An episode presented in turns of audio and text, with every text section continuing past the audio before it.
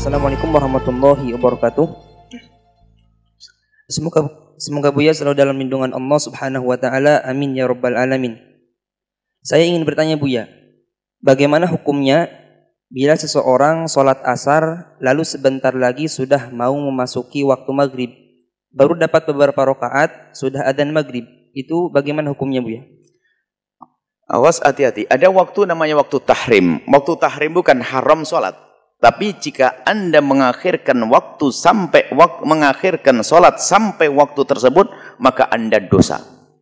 Waktu tahrim adalah waktu yang tidak cukup untuk melakukan sholat secara utuh.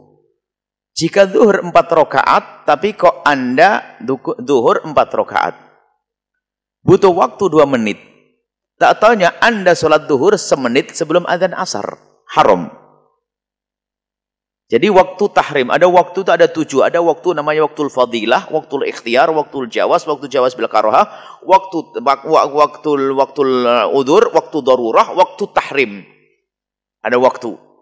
Jadi waktu fadilah adalah waktu yang pertama. Mendengar suara adzan, Anda bergegas, mengambil air wudhu, pakai menutup aurat, melakukan sholat dua rakaat. Sholat itu namanya waktu fadilah. Sebelahnya adalah setelahnya waktu ikhtiar. Jawas, jawas ma'al karohah, waktu udur, waktu darurah, terakhir waktu tahrim. Jadi haram kalau anda menunda-nunda sholat sampai waktu yang nggak cukup untuk sholat. Tapi, kalaupun ternyata anda belum sholat sampai akhir, anggap saja anda tertidur. Semoga ini sebabnya tertidur bukan karena menunda. Tidur, bangun-bangun, Allah maghrib satu menit lagi. Belum sholat asar. Ngambil air wudhu langsung Allahu Akbar. Maka anda mendapatkan sholat asar. Sholatnya adalah masuk sholat asar. Karena takbiratul ikhram anda di waktu asar. Dan anda tidak dosa karena sebabnya tidur. Tidurnya mulai dari duhur. Nah, tapi kalau anda menunda nanti aja, nanti aja haram, nanti aja haram. Kalau nantinya sampai nggak cukup untuk empat rakaat. Tapi kalau anda menunda sholat selagi masih cukup, tidak haram. Jelas ya? Maka menunda waktu sholat, menunda sholat, yang penting tidak sampai mepet tadi, anda tidak haram. Cuman anda kehilangan keutamaan awal waktu. Cuman kalau anda sudah mepet waktunya, kemudian anda bertakbiratul ikhram kok sudah masuk waktu maghrib misalnya, anda masih di waktu asar. Tinggal dilihat dosa tidak di dosa dosanya itu tergantung sebabnya.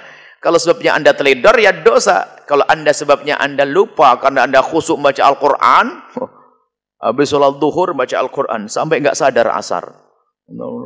Tak apa? Masya Allah, nggak dosa. Hebat benar. Ya, itu. Jadi waktu tahrim dalam keadaan normal, Anda mengakhirkan sholat sampai nggak cukup waktunya untuk sholat.